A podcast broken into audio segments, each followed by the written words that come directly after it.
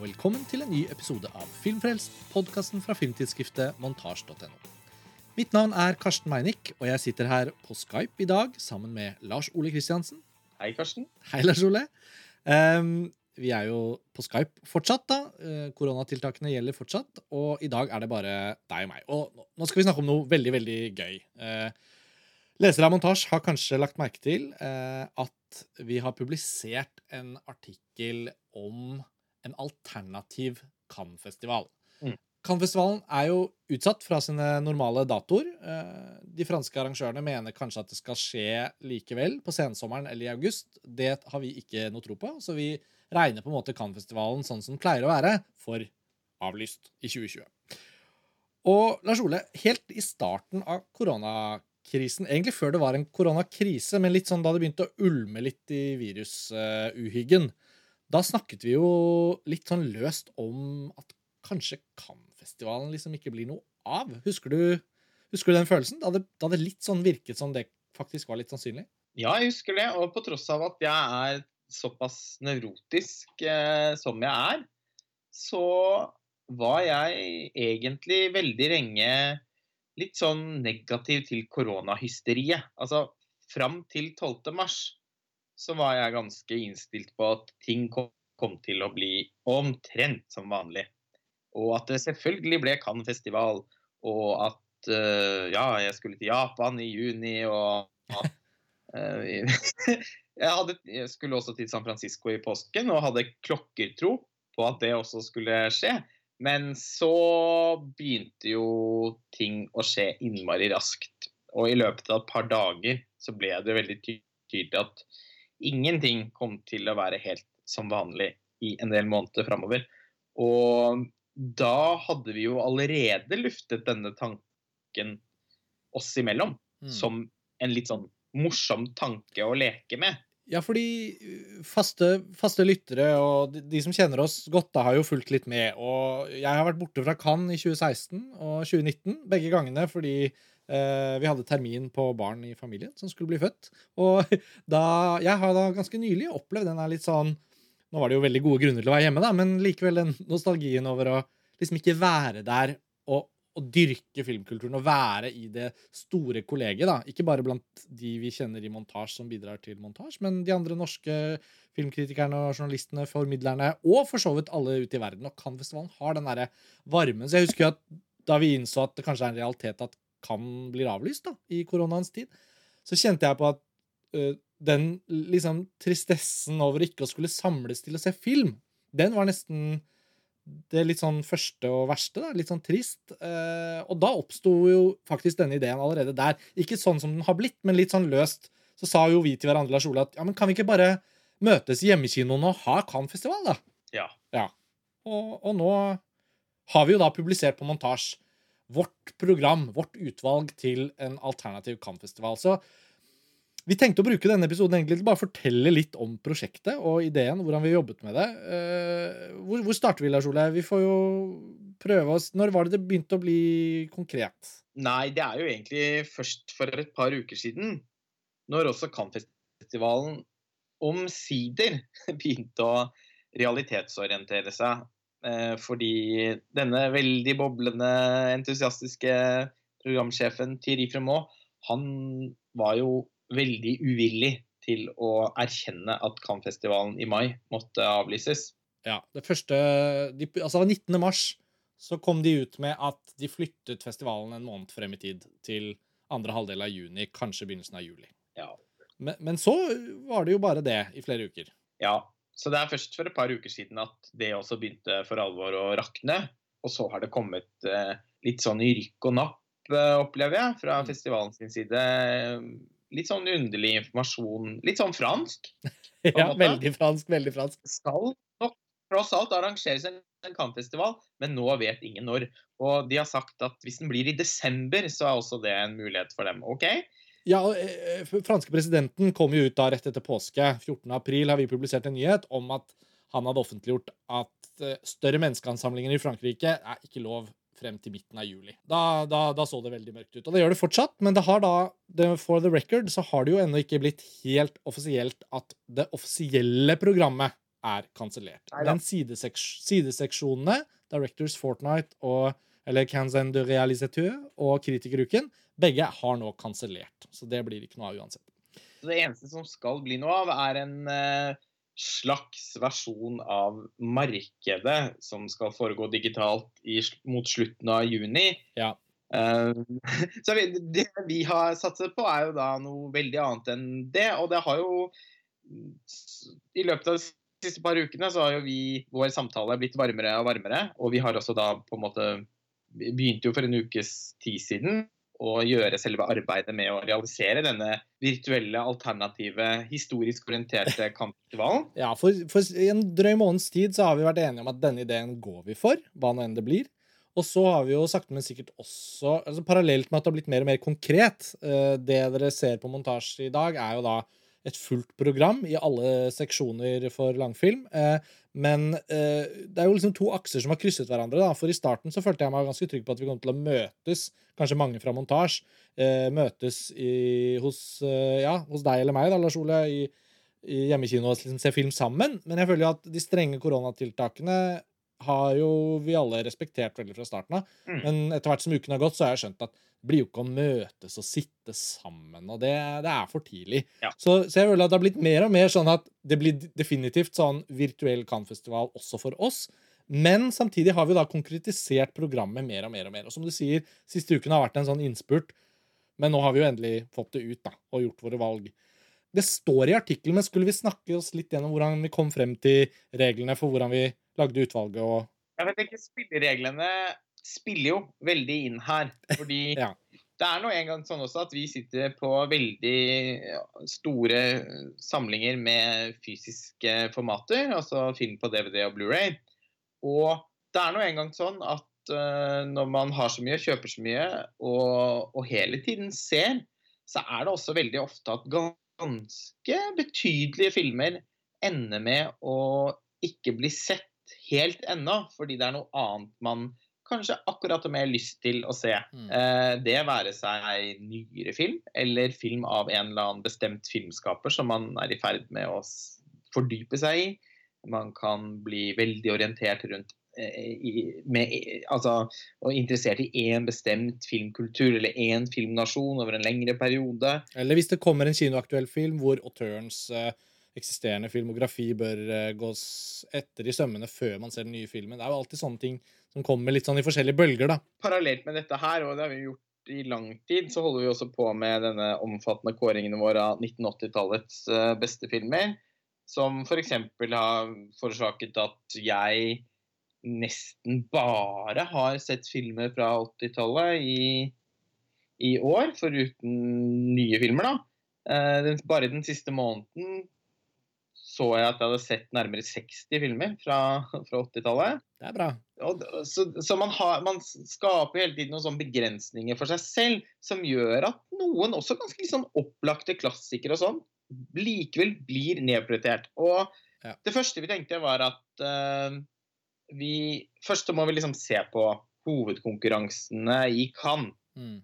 Alle år. Ja, og vi gikk gjennom hovedkonkurransen i alle år, og ble raskt enige om at det må være på en eller annen måte for vår egen del, da, i og med at det er vi som pleier å eh, lede, som er programsjefene for, for denne alternative festivalen, og som pleier å lede podkastdekningen Mm. fra Cannes, så var det viktig for oss at vi da ikke skulle ha sett noen av filmene. Og vi kommer jo til å involvere mange flere bidragsytere. Og det vil selvfølgelig være sånn at flere av de andre har sett den og den og den filmen. Mm. Eh, og med en gang man utvider den gruppen til flere enn to personer, så blir det veldig vanskelig. Fordi det er alltid én som har sett noe, eller flere. Ja, det måtte liksom være oss to, også fordi vi er ganske sånn Vi kjenner hverandre godt. Vi vet jo ofte godt hva vi har sett og ikke sett. Og, og jeg følte at den regelen ble uh, veiledende på en veldig ren måte. For da, da blir det jo automatisk også at veldig lite film fra de årene vi har vært i Cannes, da, fra 2011 og frem til i år Ja. eh, Veldig lite film fra de årene, fordi vi har jo Vi forsøker jo å se så mye som mulig hvert år. Det vil sikkert merke seg at, eh, at eh, det ikke er en, et program som er spekket med titler etter 2010. få titler egentlig fra etter 2000. Ja, og, men samtidig så er regelen eh, er jo inspirerende på en annen måte også. Og det er jo det at vi har jo rett og slett hatt litt sånne ambisjoner om å lage oss en Cannes-festival. Og noe av det beste med eh, særlig Cannes-festivalen, men de store festivalene, er jo at de med, med, noen få unntak i sideseksjoner og sånn, så krever de jo verdenspremiere. Så når vi reiser til Cannes, så ser man film for første gang. Og det er mm. oppdagelser, og det er skuffelser, og det er gleder, og det er bekreftelser. Det er et stort følelsesregister for sånne som oss, som bryr seg så mye om film. Og det at vi nå har klart å snekre et program med så mye film jeg er nysgjerrig på, og da for oss to sin del, da, at vi ikke har sett noen av dem i alle seksjonene, unntatt da Can Classics og Cinema de la Plage. Men det kommer vi tilbake til. Men det ble veldig bra. Jeg følte det var en veldig bra regel. Og så kan man si at det er jo fortsatt veldig mye film vi ikke har sett, som vi ikke har programmert inn her. Og da kicket det også inn at vi ønsket å programmere filmer som det er mulig å få tak i og få sett. Og mm. som du nevnte, så har vi jo store fysiske bibliotek da, av film hjemme. Så du og jeg har jo tilgang på veldig mye av de filmene. Uh, vi har bare aldri fått åpna, tatt av plasten og sett den. Men uh, som man ser i artikkelen, så har vi da i utvalget gjort det sånn at for hver eneste film så tilbyr vi til leserne en mulighet til å kjøpe filmen på fysisk format. Og hvis den fins også digitalt, så har vi linket til det. Og noen tilfeller fins den bare digitalt, faktisk, og ikke på fysisk format. Så på den måten så har vi da snirklet oss inn mot et utvalg. Ja, og det er klart at hva vi har hatt i, våre, i samlingene våre, har jo også selvfølgelig vært litt sånn førende, da. Og det som jeg ikke har, det blir det å enten bestille nå, sånn at det rekker fram, eller se digitalt uh, via diverse strømmetjenester og til og med YouTube. Og det er, det er jo en flora av kilder til film her. Eh, det var jo så å si ingen filmer som ble bortprioritert fordi de ikke var å få tak i. Fordi de aller, aller fleste filmene tross alt på en eller annen måte er mulig å se. Noen av de er veldig kostbare å kjøpe. Eh, og de er selvfølgelig noen man hvis eh, Og vi ønsker jo og håper at mange av leserne og lytterne våre også ønsker å på en måte slenge seg på festivalen og bidra i kommentarfeltene og, og, og sånn. Men det er klart at dette er et program Jeg tror det består av ganske nøyaktig Jeg telte over i stad, så hvis jeg ikke telte feil, så består hele programmet av til sammen 99 filmer. Ja. Og vi får jo ikke sett 99 filmer i løpet av 11 dager.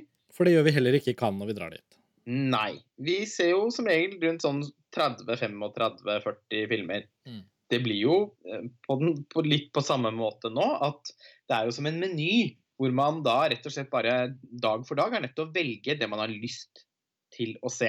Og som sagt så kommer vi jo til å involvere mange andre bidragsytere òg. Og det blir ikke noe sånn Alle kommer bare til å se det de har lyst til å se. Du og jeg, eh, som skal lede podkastene, kommer nok tross alt til å forsøke å samkjøre litt, men også fordele oss litt. Som vi også gjør i Kant. Da går du i Ansertanegar, og så går jeg i Kritikeruken. Ja, og dette blir jo det, eh, Noe av det jeg føler, om jeg kan få si det sånn, er at i hvert fall vi, vi har lyktes med i programmet for vår egen del, og forhåpentligvis gjelder det for mange andre òg, det er jo det at ved å vi har jo holdt oss til hvor mange filmer som pleier å være i hver seksjon i Cannes. Så det er jo liksom litt over 20 filmer i hovedkonkurransen. Vi har åpningsfilm. Eh, og alle disse filmene er jo da opprinnelig vist i disse seksjonene. Det står i artikkelen, men bare så lytterne vet det. Uh, Kanzen, uh, Kritikeruken Kritikeruken er jo for debutanter og andregangsfilmskapere, men ofte ikke mer enn syv-åtte filmer der. Kanskje en sånn spesialvisning utenfor konkurranse og sånn. Og så har det jo vært veldig fint at seksjonen Kan Classics Den er jo en seksjon vi ofte liker å få sett en eller to kanskje filmer i for å liksom spe på. da. Ofte presenteres det en restaurering av en gammel film som man aldri har tilgang på å se, eller så er det liksom muligheten til å se en film man elsker, på det store lerretet i Cannes, med personlighetene til stede. Det er jo på en måte helt uslåelig da, å se film på den måten i Cannes. Men Cannes Classics for vår del ga oss jo da også en mulighet til å programmere en film vi begge har sett, eller en av oss har sett, men som på en eller annen måte Eller filmer vi heller ikke har sett, da, men som ga en liten sånn mulighet til å utvide bredden i programmet litt, eh, og ha med regissører vi ønsket å ha med. og sånn. Så det har vært veldig, veldig gøy. Det er et par sånn all time favorites der som man selvfølgelig er kanskje vanskelig å prioritere tiden til å se Marie Antoinette for 25. gang.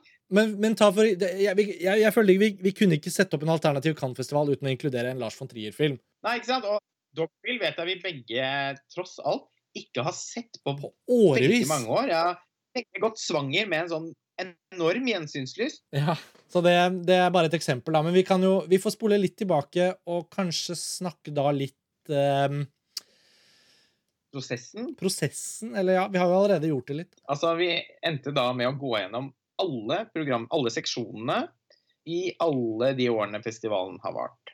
Og så var vi på utkikk etter filmer av regissører som vi på en eller annen måte har et forhold til, eller i hvert fall er fascinert av eller er interessert i. Mm. Så det er klart, en viss autørstyring ble det jo her. Hvis man blar seg tilbake til programmet fra Kritikeruken og Kanzen f.eks. på 70-tallet, for eksempel, så er det mange filmskapere og filmer som, man, som aldri har eh, fått et etterliv på noen som helst måte. Og heller ikke har blitt utgitt på noen som helst måte. Nei, Og sånn er det jo i Cannes i dag òg, ikke sant? Altså, Ja, filmer forsvinner på en måte. Kritikeruken ofte, for eksempel, da, ser man jo på første og absolutt siste gang. Også Ja. fordi det er masse dårlige film som vises. Sånn Ja. er det jo. Ja. Eh, eh, men Og det kommer til å være noen filmer som ikke eh, er kunstnerisk vellykkede her også, garantert. Men det er i hvert fall da av filmskapere som det er verdt å ha sett en film til av. Og hvis vi starter med hovedkonkurransen, da, så hadde vi jo Det var den seksjonen hvor vi hadde en regel til. Og det var at vi for ikke å ha for mye å velge mellom, så Og, og litt fordi at uh, inspirerte, så har vi da valgt å plukke filmer som har vunnet en av de tre øverste prisene, da. Enten Gullpalmen, Grand Prix eller Juryprisen, eh, som da er på en måte første, andre og tredjeplass, da. Og, og det var jo ganske gøy, bare det, Lars Ole, å bla oss tilbake og se på alle filmene som har vunnet Gullpalmen. Mm. Selv der er det jo ikke bare ting vi ikke har sett, men også ting som har litt sånn forsvunnet fra, fra hva som snakkes om i filmkulturen i dag, da. Ja, altså det er noen store gap her. Altså, denne seksjonen består av noen sånne store hull som både du og jeg deler. Ja, absolutt. Og det er jo Endelig skal vi få sett dem! Ja, jo, ikke sant? Sånn som for eksempel The Go-Between av Joseph Lucy. Eh, har eid den DVD-en siden 2005 eller 2006, tror jeg. eh, stadig uåpnet. En mann og en kvinne av Claude Lelouch. Altså sånn popkulturelt enorm film i Frankrike. Men så har det aldri blitt sånn at Claude Lelouch er en filmskaper som jeg har tenkt at jeg burde fascinere meg for. Så derfor har den blitt eh, stående. Eh, og så er det sånn som 'Å trane flyr' av Michael Kalatza f.eks. Ja. Som jeg har sett et par andre filmer av. Er jo bare direkte flaut å ikke ha sett. Eh, Den DVD-en har også vært på hylla i altså minst ti år. Ja. Og endelig kommer liksom en anledning til å velge å se den. Og den anledningen burde helt Altså, den burde jo inntruffet tidligere. Og den er jo nylig oppgradert til Blu-ray på Criterion Collection, og også den britiske Criterion Collection, så da ble det jo bestilling for min del, da. Så den er på vei i posten, og ja, det ser ut til at det går med, med en ukes uh, margin. Ja, den er dessverre en eldre Men den skal, er liksom restaurert, eh, den også, så vi får håpe at den holder OK uh, kvalitet. Og så er det sånne eh, kuriositeter som Mysteriet Picasso av Henri Rousseau f.eks., som, Mm. som jeg alltid har hatt kjempelyst til å se. For jeg er jo veldig opptatt av Picasso. Og har også hatt den DVD-en stående på hylla i innmari mange år. Og, og den er jo så lett å bare se. Men likevel, altså, så har den ikke blitt valgt. Samme med Mirabia i Milano av Vittorio De Sica. For, for noe, i, en, i en viss generasjon eh, så, er jo, så er jo den filmen en klassiker.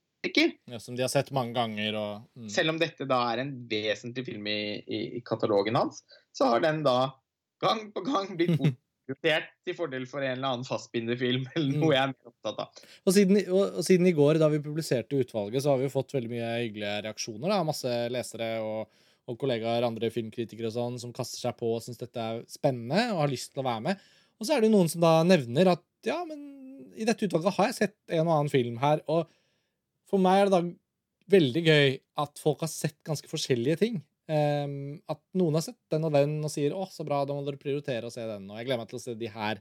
Mens andre har sagt OK, det her var jo masse jeg ikke har sett, men jeg har sett den. Ja, altså, på Twitter for eksempel, som kimer inn og forteller at han har skrevet hovedoppgaven sin i filmvitenskap om seppuku, eller harakiri, av Kobayashi.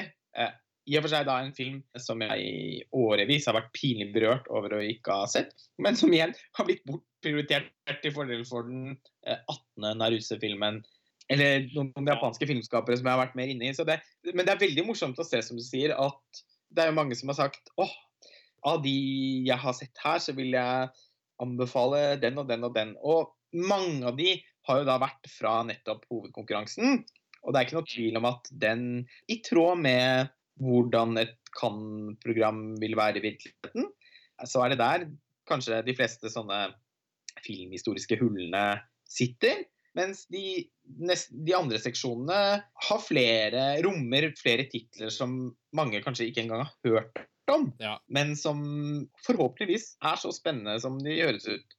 Blant de som skal følge med og se film under festivalen, så håper jeg jo at hvis noen av dere lytter på nå, så er det jo visse bestillinger som virkelig jeg håper folk gjør, da, hvis ikke de har filmene.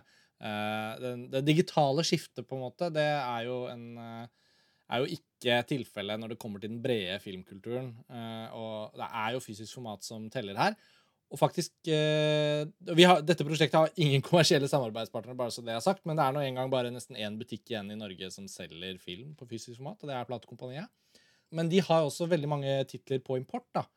Og, og en, et, et funn som vi må snakke kort om i hovedkonkurransen før vi går videre, det er jo den filmen som på en måte står først. Fordi vi har jo listet de opp bare kronologisk etter hvilket år de hadde premiere. Og i 1946-utgaven så ble den danske filmen De Røde Enge eh, vist i hovedkonkurransen i Cannes. Det var jo da den andre utgaven av Cannes-festivalen, hvis ikke jeg husker feil. Mm. Den første ble avholdt i 1939. Da rakk de bare vise én film, og det er åpningsfilmen vår. Den første filmen som ble vist på Cannes-festivalen. Men denne danske filmen De røde enge den endte jo opp med å vinne en av flere hovedpriser. Da, da ble det på en måte bare delt ut førstepriser. Eh, og den er da på platekompaniet. Ja. På en dansk DVD. Og jeg er jo usikker alltid på hvor mange som fortsatt har film fysisk. Um, for oss er det jo en selvfølge, men um, det er jo da bare en, uh, en vanlig halvliter uh, unna, da. Så har man muligheten til å være med og se en dansk film fra 1945, da, som ble vist i 1946, og som vant hovedprisen. Og den glemmes jo hver gang man snakker om at det bare er én kvinnelig regissør som har vunnet Gullpalmen. Mm. Jane Campion med The Piano. Uh, den har jo alle sett. Den er ikke en del av dette programmet, da. Men De røde enge er da korregissert av Bodil Ibsen og Lau Lauritzen jr. Så jeg, jeg hadde jo ikke hørt om denne filmen faktisk før vi nå oppdaget den i denne sammenhengen. Nei. Så det er jo også en av de jeg føler meg helt forpliktet til å se, og har bestilt Ja, eh, platekompaniet. Helt klart se.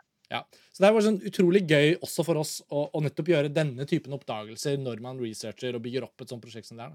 Og så tenker jeg at det er viktig å si at vi også har forsøkt da å lage eh, forhåpentligvis ikke en parodi på Cannes-festivalen, men en, mest, en, en så fremt det er mulig med dette her som rammeverk, en noenlunde autentisk utgave. Det at vi har eh, tenkt på at det skal være film fra flere deler av verden. Eh, For eksempel så har vi inkludert noen afrikanske filmer, som jo eh, kanskje særlig Cannes-festivalen historisk sett har vært nokså gode på å, å, å vise. Det Mm. kan jo ha noe med å gjøre at Frankrike også har hatt så mange kolonier i, i, Mm. i Afrika. Og sånn sett har et uh, kulturelt uh, bånd til, eh, til Senegal, f.eks. Og kanskje litt dårlig samvittighet. Ja, det kan også hende. Men eh, Osman Sembene har vi sett litt film av. Eh, jeg har sett den mest kjente filmen til han Soleimane Cissé, som heter 'Jelen'. Men eh, Finje, eksempel, Mm. som vi har satt opp i en Sultan eh, Regard, den har jeg aldri sett. Og den er tilgjengelig på YouTube. Ikke i spesielt god kvalitet, men det er også den så mer eller mindre den eneste måten å få sett den filmen på. YouTube har jo vist seg å være en kilde faktisk da, til no, noen ganske obskure titler. Flere av de afrikanske, for eksempel, har det jo faktisk vært mulig å lokalisere på YouTube. Så for de som vil kjøre en sånn utrolig billig, lett tilgjengelig variant av den alternative Cannes-festivalen, så kan du bare se de som er på YouTube. Det fins vel fire-fem filmer som har linker til YouTube. Ja, jeg tror faktisk det er flere enn det. Men uh, du skulle til å nevne Idrissa Odrago. Han hadde ikke jeg hørt om før du, uh, før du trakk han inn. Nei, Idris Drogo har jeg vært uh, ja, bevisst på i en del uh, år, men aldri sett noen av filmene hans da. Det er jo særlig en Jaba som jeg har vært eh, opptatt av, fordi uh, den som oftest løftes fram som kanskje hans hovedverk. Men vi fant ut av at han faktisk har vunnet Grand Prix i 1990 med T-Lie, eller The Law. Mm. Og den har vi da satt i hovedkonkurransen. Den kan man også se på YouTube, eller bestille fysisk eh, via Amazon. Og i Burkina Faso så har de jo også en av de største filmfestivalene i eh, Afrika. Um, den avholdes hvert annet år, men, eh, og er visstnok bare franskspråklig. og sånn, så hvis man skal dra dit, så må man lære seg fransk først. Men alt foregår på fransk. Men, men ehm, det er jo også interessant selvfølgelig da at Cannes-festivalen som en formidler er jo med på å bevisstgjøre at det fins Kanskje ikke så industriell, og kanskje ikke med like mange muligheter til å lage film på en viss skala, men det fins jo filmkulturer i veldig mange afrikanske land. Ikke bare Nord-Afrika, som man er mer kjent med, øh, eller ikke bare Nigeria, som har kjempemasse film, som er jo liksom Afrikas Bollywood, men f.eks. i Burkina Faso eller Senegal. øh, Og selv om et par av disse først og fremst blir mulig å se på YouTube, så har jeg også veldig ønske om å og gå inn i noen av de. Og Osman Semben fra Senegal, som vi har skrevet om på montasje, og som også er veldig anerkjent som forfatter, han har jo vært en, en veldig spennende filmskaper å sette seg inn i. Så ja, hele bredden som Cannes-festivalen alltid ta høyde for, den har vi jo da prøvd å autentisk opprettholde, da. Ja, det, Og det gjør jo også at Makmal Baff-familien til sammen har tre filmer på programmet. Ja, Det persiske teppet til uh, Mohsen Mak- Makmal Baff fra 1996 gjennom Sertan Regar, som uh, vi i Skam må melde at vi ikke har uh, sett. Og to filmer av hans datter Samira Makmal Baff. mm. klokken fem om ettermiddagen fra 2003, som vant juryprisen, eh, og som da vises i vår hovedkonkurranse. Og det som nok de fleste Eller det virker som om konsensus at, Eller at konsensus er at den aller beste filmen hennes tross alt er den som heter 'Eple', Mm. som vi da har satt opp i Cannes Classics. Det var jo da fordi vi hadde en regel om at ikke samme regissør skulle ha flere filmer i de offisielle programmene.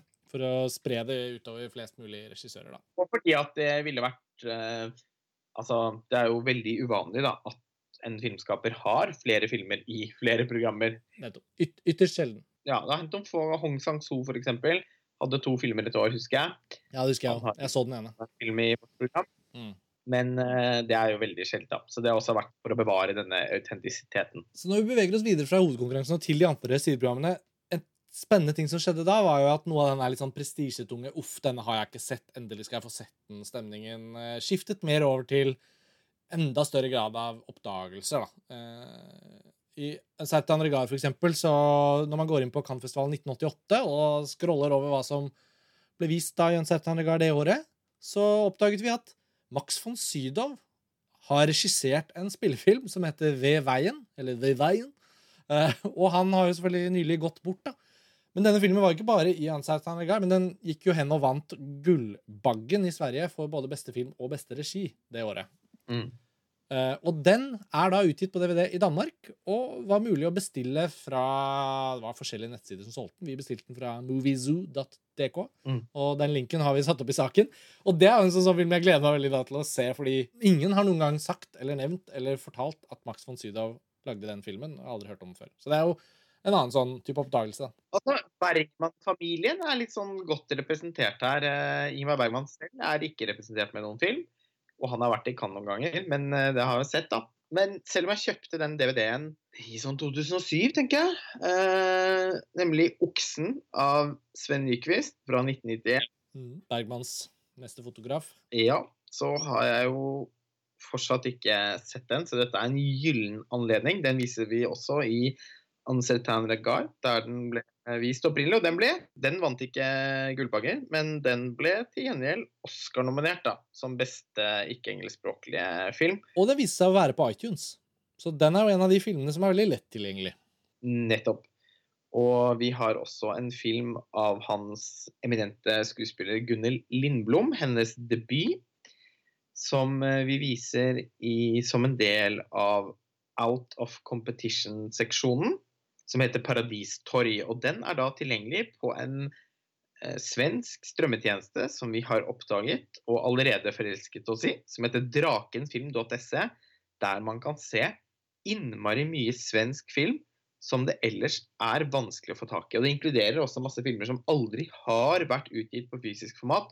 Og noen av de som har vært utgitt på fysisk format, eh, er, er, her tilgjengelig i restaurerte versjoner. Eh, ja, det er helt fantastisk initiativ. Eh, en strømmetjeneste som faktisk er bygget opp fra festivalmiljøet rundt filmfestivalen i Gøteborg.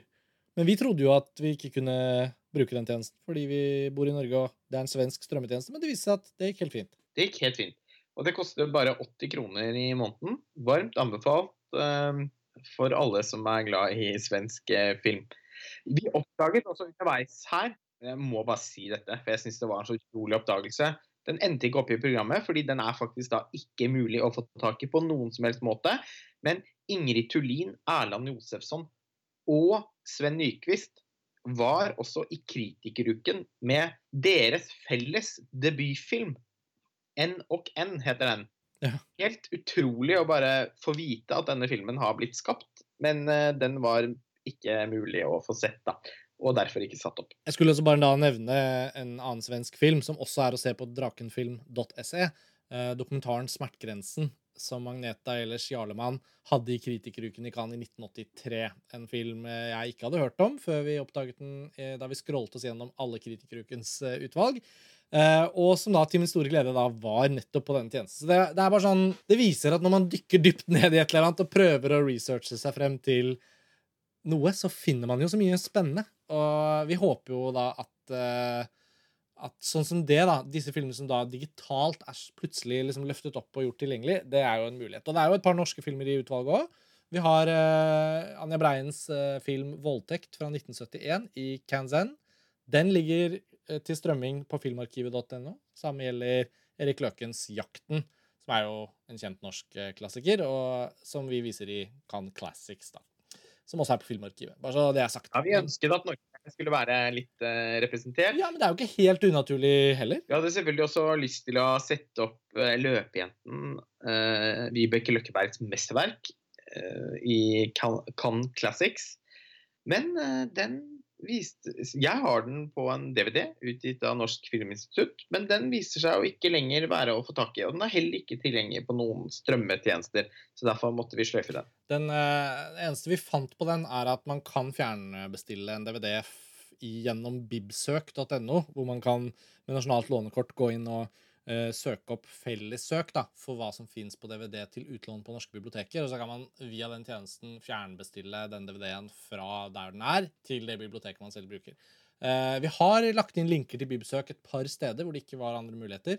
Men uh, det er jo selvfølgelig et paradoks da i koronakrisen at vi ikke vet om bibliotekene kommer til å være åpne til 12. mai. Nei. Så her må vi jo bare Men det er bedre å, å gjøre leserne oppmerksom på da, at Eh, at, det er også en mulighet. Og det er jo en fantastisk kilde også. Det tenker jeg bare anbefaler generelt. At bibsok.no, hvis man er logget inn med nasjonalt lånekort der, og, og, begynner å søke, så er det jo fantastisk mye film som etter hvert er tilgjengelig da, rundt omkring på norske biblioteker. Og hvis man klikker og bestiller, og bestiller det fjernlånet, så tar det kanskje noen dager, men plutselig så er den der på det biblioteket man har nærmest seg selv. Da, og det, det er en veldig fin måte å gjøre det på hvis man ikke har sin egen samling. Bare sånn generelt tips. Mm. Vi skal ikke snakke om alle filmene her, men, og, og, de som lytter til Filmfrelst, men ikke går inn og leser montasje, så må dere jo da selvfølgelig gå inn og åpne denne saken og bla dere gjennom dette. Vi har en del dokumentarfilm sånn jevnt og trutt i de forskjellige seksjonene. Kjente bakom-filmen til Apokalypse nå, som er kjent som en, sånn, en av de mer filmkunstnerisk spennende bakom-filmene. 'Hearts of Darkness' og 'Filmmakers Apocalypse'. Utrolig nok at ingen av oss har sett den, Lars Ole. Jeg vet ikke hvorfor. Det er jo innmari flaut. Alltid visst om den, men som på en måte bare, jeg har bare alltid vært opptatt av å eventuelt se 'Apokalypse' nå. da. Og så har jo 'Apokalypse' nå endt opp å komme i så mange forskjellige versjoner. da.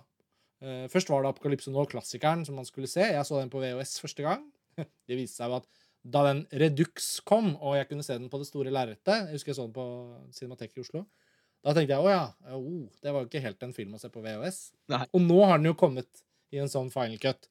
Og den siste Blu-ray-utgivelsen av den aller siste versjonen til Coppola, på den, i hvert fall den utgivelsen du og jeg har kjøpt, Lars Ole, der ligger jo også Hearts of Darkness-dokumentaren på Blu-ray i HD, da. Ja, det er selvfølgelig en glede å kunne se den i den høyeste mulige kvaliteten, men det var også litt irriterende i og med at jeg da eh, for jeg tror må også ha vært i sånn 2006-2007, tipper jeg. Mm. Bestilte denne filmen fra deepdiscount.com eh, på en fortsatt uåpnet og ganske dyrkjøpt sone 1-DVD. Eh, papp rundt og det hele, som nå sannsynligvis aldri kommer til å finne veien inn i spilleren. Ja, det er rørende. Du får sette den i en monter. Ja, det er fortsatt, jeg tenker, den Apropos utgaver som har gått opp i verdi. Det har, dette har jeg ikke sjekket. Enormt eh, kostbar å få tak i. En Satan Regar har blitt kjempebra, syns jeg. Men det er jo ekstremt inspirerende å se på det utvalget i Kanzen. Ja, Der syns jeg vi endte opp med veldig mye spennende film. ja, enig. Og der er det også et par sånne ordentlige hull, da. Dujan Makavejevs eh, WR, organismens mysterium, f.eks., har jeg jo hatt lyst til å se i innmari mange år.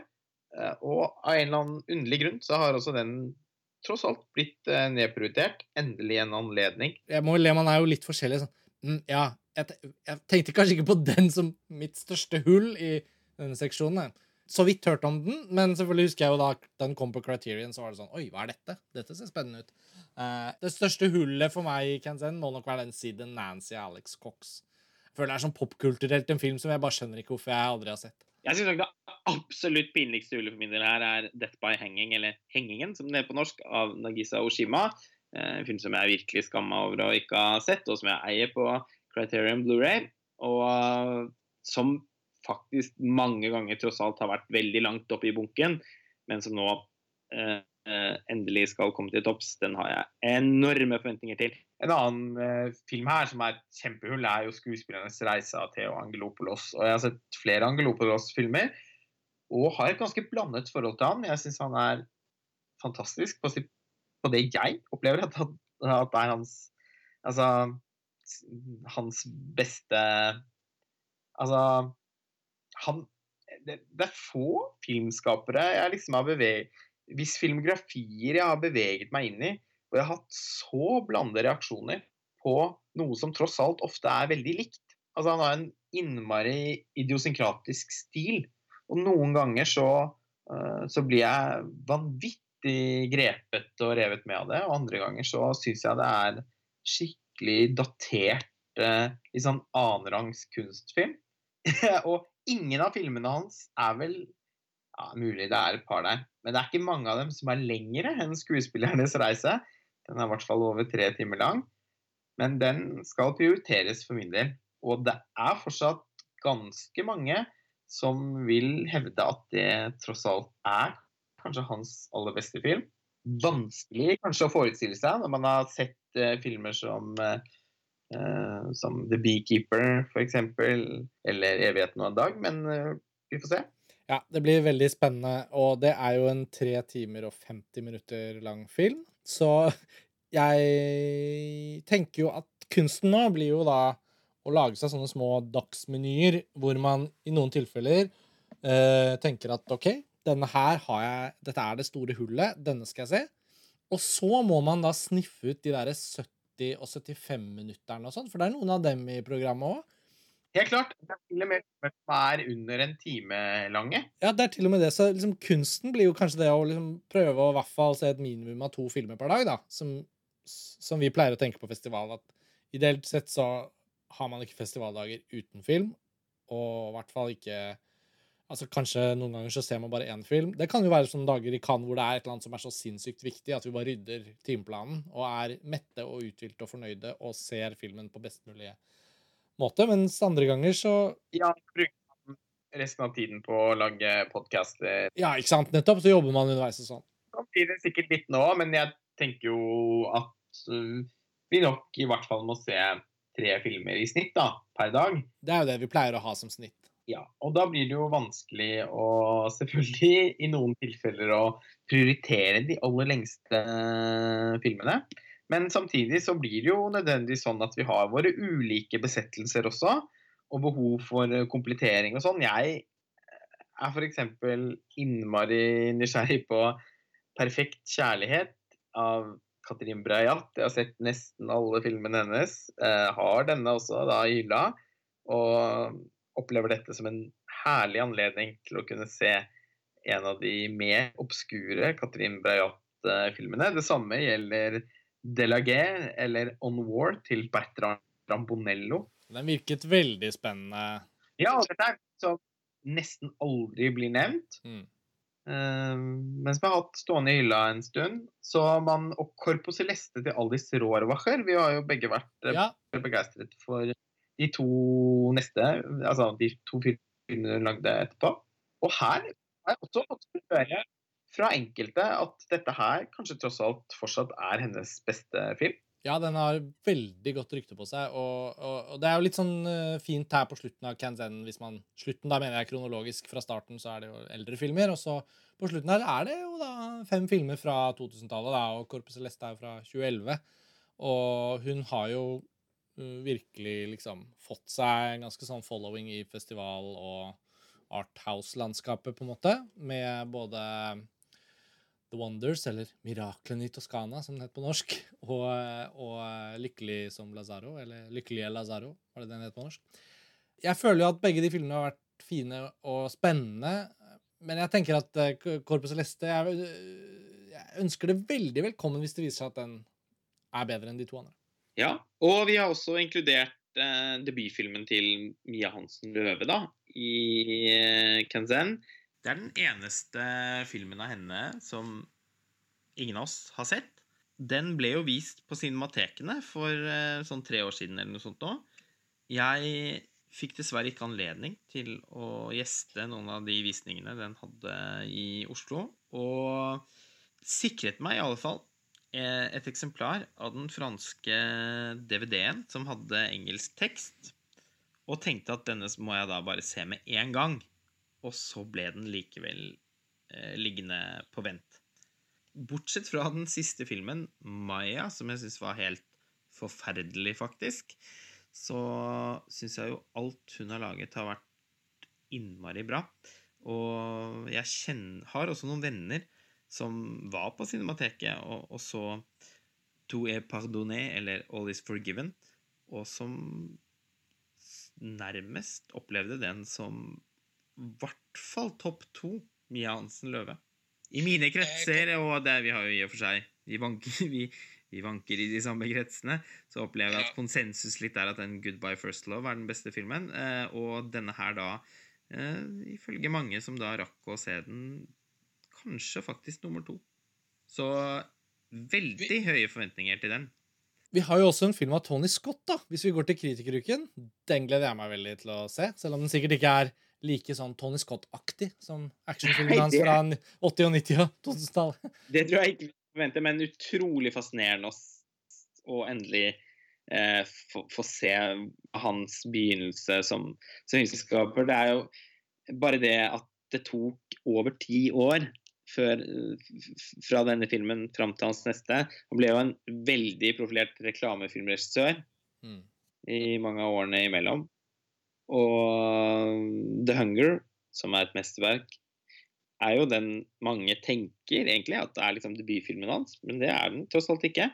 Det er denne Loving Memory som er utgitt på Blu-ray av BFI. og som også har stått, Det er den eneste Tony Scott-filmen jeg ikke har sett, og den har stått på hylla i mange år, den òg. Ja, det har stått på hylla lenge. underlig å ikke prioritere å se. Den varer jo også bare én time. Så ah, Men nå skal det omsider skje, da. Ja, Det blir veldig skammelig å komme ut av den alternative Cannes-festivalen og da ende opp med å ikke ha klart å finne et plass til å se denne filmen. Nei, det er ikke, ikke aktuelt. I Kritikeruken er det også en annen film som er eh, rekordkort, nemlig Not Reconciled eh, av Jean-Marie Straub. Recon, not reconciled, mener du nicht versöhnt oder es hilft nur Gewalt, wo Gewalt herrscht? Ja, det er den jeg mener. ja. Jeg ville bare sjekke om det var den du mente, men ja. det var den.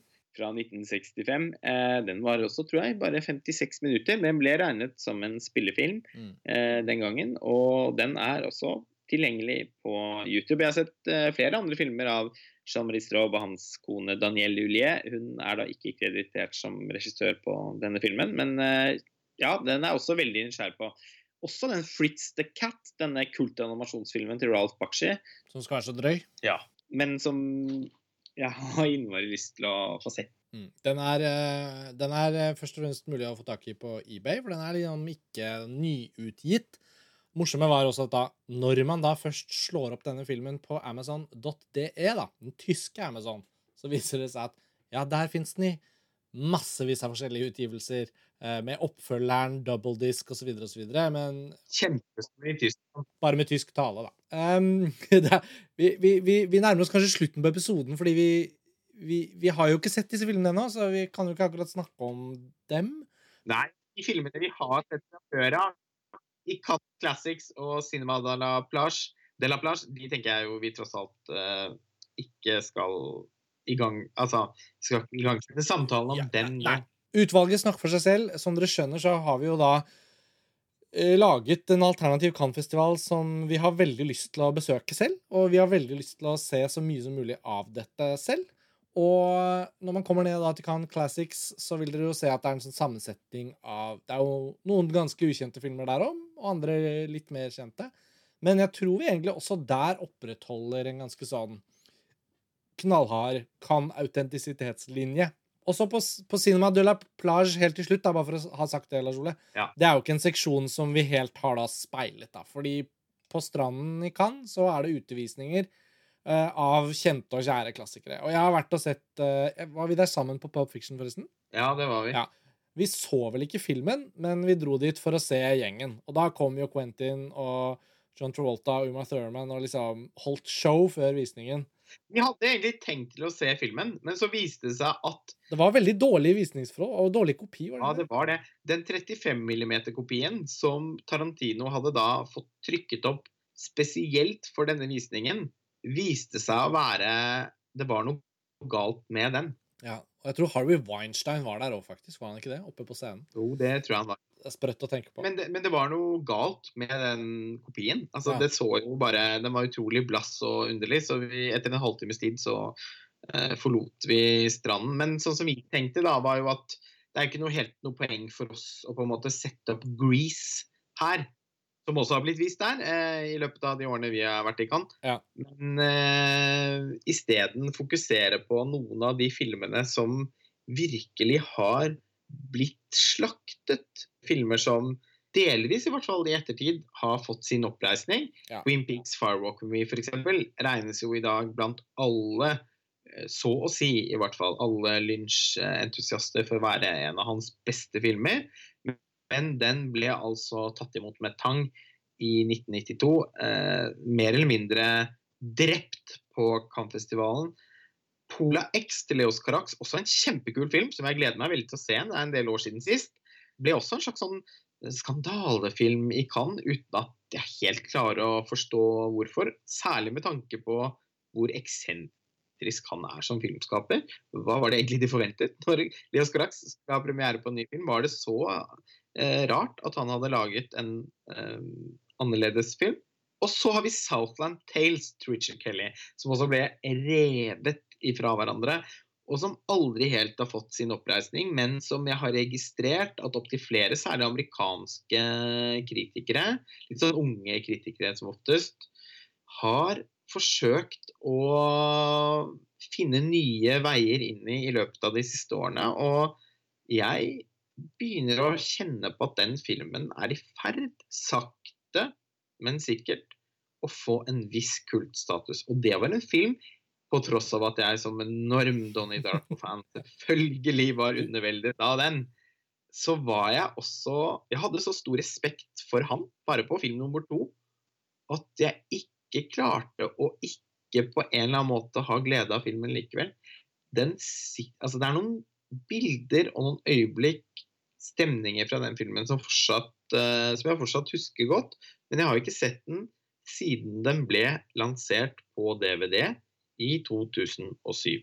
Så det er et gjensyn jeg kommer til å prioritere. Ja, Den har jeg ikke sett, så den har jeg også lyst til å prioritere. Og for et par uker siden så hadde Mubi, strømmetjenesten Mubi, hadde faktisk eh, Eller de har kjørt Southland Tales i utvalget sitt, og de arrangerte på en måte en sånn samvisning, da, at eh, alle brukerne og følgerne deres rundt omkring i verden skulle da inn på Mubi og se Southland Tales samtidig. Nå, det var nå i koronaens tid.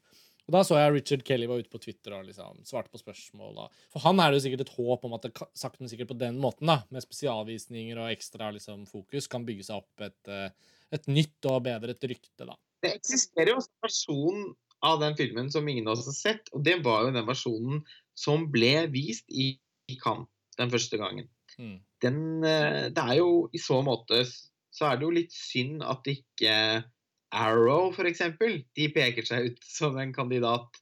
Eh, De er jo Det er jo en britisk eh, distributør av fysisk format som er lik Altså, de er- jobber jo like grundig som Criterion gjør, men de har en De fokuserer jo ofte på kultfilm. De har i hvert fall et, en, softspot for kultfilm. Og de har jo gitt ut en helt fantastisk utgave av nettopp Donnie Darko. Og det kunne vært innmari gøy hvis de valgte å restaurere og gi ut denne filmen på nytt. Og kanskje også med den originale klippen. Det syns jeg i hvert fall Nå får vi jo se, da. Nå er det jo så lenge siden jeg har sett originalen at nå vil jeg sikkert ikke kunne sett noen forskjeller uansett. Men etter da å ha sett originalen på nytt igjen, så særlig hvis det da viser seg å være en litt sånn positiv overraskelse, eh, så kunne det vært innmari interessant å se akkurat den versjonen som kan-publikummet ble utsatt for den gangen. Jeg tror den var så mye som en halvtime lenger. Det er såpass, ja. ja. Det blir veldig spennende å se og følge med. Jeg gleder meg til å se filmen i det hele tatt, men også blir jo selvfølgelig veldig gøy å følge med på om en film som Statland Tales kan faktisk bli eh, Hva skal vi si Gjenoppdaget er kanskje feil ord, men liksom at den blir gjenreist som en film verdt å, å, å bruke tid på. Og jeg vet ikke, Cinema de la Plage var ikke noe vi måtte ha med, men, men eh, det var litt gøy å tenke at kanskje vi kan der få med noen sånne filmer med en sånn mytologi rundt seg om å ha vært store skandaler. Da. Og da er jo ikke vår hukommelse sånn at vi kan plukke fritt fra eventuelle skandaler i 65 og 77 og Så det var litt naturlig at det var ting vi husker eller har lest om. Fra nyere, nyere tid. Her kunne man selvfølgelig sikkert fått inn enda flere ting. Men, men uh, alle disse tre er jo filmskapere. Kanskje ikke i så stor grad Richard Kelly, da, men uh, er jo filmskapere som som burde bli respektert. Og Lynch hadde jo da vunnet Gullpalmen bare et, to år før. Mm. Så det er jo noe med det òg. At uh, de Mm. som er på toppen og vinner Gullpalmen det ene året, kan da også bli slaktet og, og sendt ut med kjøttbilen eh, neste året. Altså, det er fascinerende å tenke på at David Lynch, som var verdens største filmskaper på dette tidspunktet, Ja. som hadde eh, blitt eh, Oscar-nominert for eh, regi for en så filleristende eh, og drøy film som Blue Velvet. Altså, det er eh, sjelden at Oscar-akademiet har vært så kule, for å si det sånn. Mm.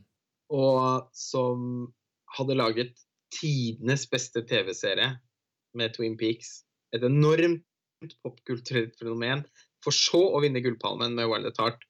Han har jo aldri vært en så stor superstjerne som han var akkurat da. Ja, det er sprøtt å tenke på, egentlig. Men uh...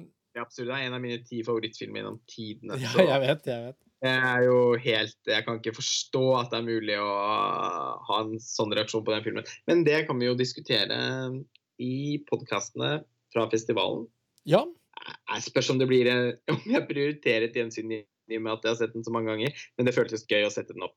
Ja, absolutt. Vi, avslutningsvis, så, så tenker, for denne episoden, da, så tenker jeg vi kan jo da bare si kort litt om hva vi, hva vi ser for oss som dekningen eh, på montasje. Eh, Vi håper jo at vi kan leve opp til våre egne planer. Det tror jeg i stor grad vi kommer til å gjøre. Men det, da, det er jo da sånn nå at eh, dette programmet ligger ute på montasje. For leserne sin del så står jo folk selvfølgelig nå fritt til å bare se film ut ifra dette programmet hvis de vil. Vi kan jo ikke stoppe folk.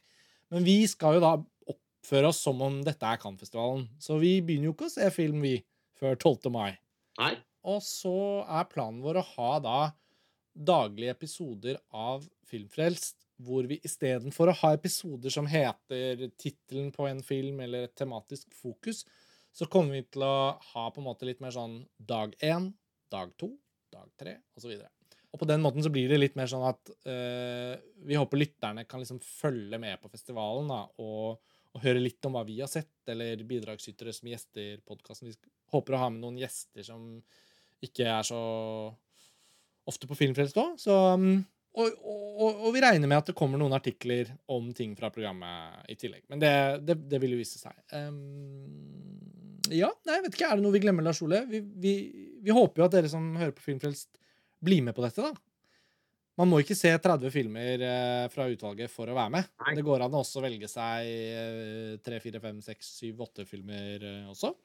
Absolutt. Og hvis dere gjør det, så har vi veldig lyst til å høre hva dere tenker om filmene, da. Og kim gjerne inn med anbefalinger i kommentarfeltet. Det er jo ja. sånn at vi det er ikke nødvendigvis sånn at vi ender med å se de samme filmene samtidig. Og mange vil jo også ha sett noen av disse spesifikke filmene fra før av. Det er lov å, å, å, si at eh, den og den eh, ville jeg prioritert foran den og den.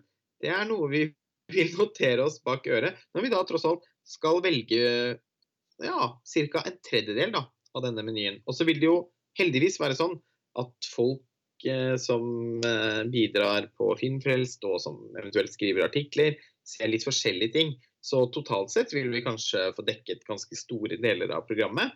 Men ja, vi, i den grad det er mulig, så er vi veldig glade for å eh, få anbefalinger og veiledning fra lesere og lyttere. Mm. OK, Lars Ole, jeg gleder meg til Cannes-festivalen 2020. Vi hadde nok gledet oss enda mer hvis det var på ordentlig, men dette er vår alternative variant. Det er også en hyllest til Cannes-festivalen. Det er verdens viktigste filmfestival. Og um, hvis vi skal klare oss uten den ekte varen i 2020, så håper vi at dette kan være en fin markør da, for nettopp betydningen til Cannes-festivalen. Og så lover vi å reise til Cannes i 2021 hvis koronakrisen har lagt seg inn det, og, og gjøre festivalen om igjen på ordentlig. Ja, Det får vi håpe på. Og dette er jo da selvfølgelig også en ganske unik anledning for vår del til å se på Cannes-festivalen i et historisk perspektiv. Det blir det jo mm. aldri tid til Nei. når vi er der til vanlig for å se nye filmer. Så det er jo også sånn at vi naturligvis kommer til å snakke en del om de forskjellige Eh, altså de faktiske programmene, når vi er innom de forskjellige filmene. ikke sant? At, mm. Hvordan så hovedkonkurransen ut i 1974? Eh, hvordan var, var, det sånn at Kansen egentlig var et sterkere program i 1982 enn hovedkonkurransen? Har det vist seg i etterkant? Mm. Altså, Det tenker jeg også blir veldig gøy, da. Ja, veldig. Jeg gleder meg. Det er bare noen uker til. Yes. Eh, vi uh jeg foreslår at vi avslutter med dette. Ehm, Lars Ole, da fikk vi snakket fra oss våre mm. erfaringer og tanker rundt denne prosessen. Og så gleder vi oss til 12. Eh, mai. Da går dette av stabelen. Og vi håper dere følger med oss. Takk for denne gang. Takk for at dere hører på. Ja. Ha det bra. Ha det bra.